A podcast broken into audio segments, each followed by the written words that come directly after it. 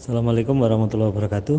Uh, baik, saya jelaskan uh, penugasan untuk unit 2 klaster 1 yaitu nomor 3 dan 4. Di situ ada tabel teknologi yang digunakan saat ini. Jadi nanti kalau di dalam uh, praktek yang sesungguhnya itu harus kalian buat murni berdasarkan jaringan atau kantor atau lab yang diamati. Tapi karena ini simulasi maka eh, saya buatkan tabel yang terdiri dari tiga peralatan yang sudah ada spesifikasinya. Nah untuk eh, nomor tiga tugas kalian adalah memberi keterangan ya. Jadi memberi keterangan spesifikasi yang sudah saya tulis itu.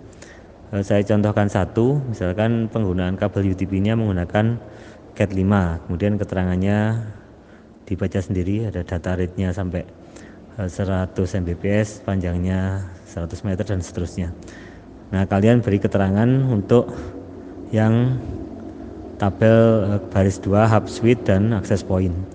Kemudian untuk e, nomor 4 itu tugasnya adalah menentukan atau memilih teknologi untuk memperbaiki e, apa teknologi yang sudah ada ditulis di poin 3 ya. Jadi Poin 4 itu kalian cari kabel UTP yang lebih bagus dari CAT 5. Misalkan CAT 5E. Kemudian di keterangan dituliskan uh, uh, apa namanya?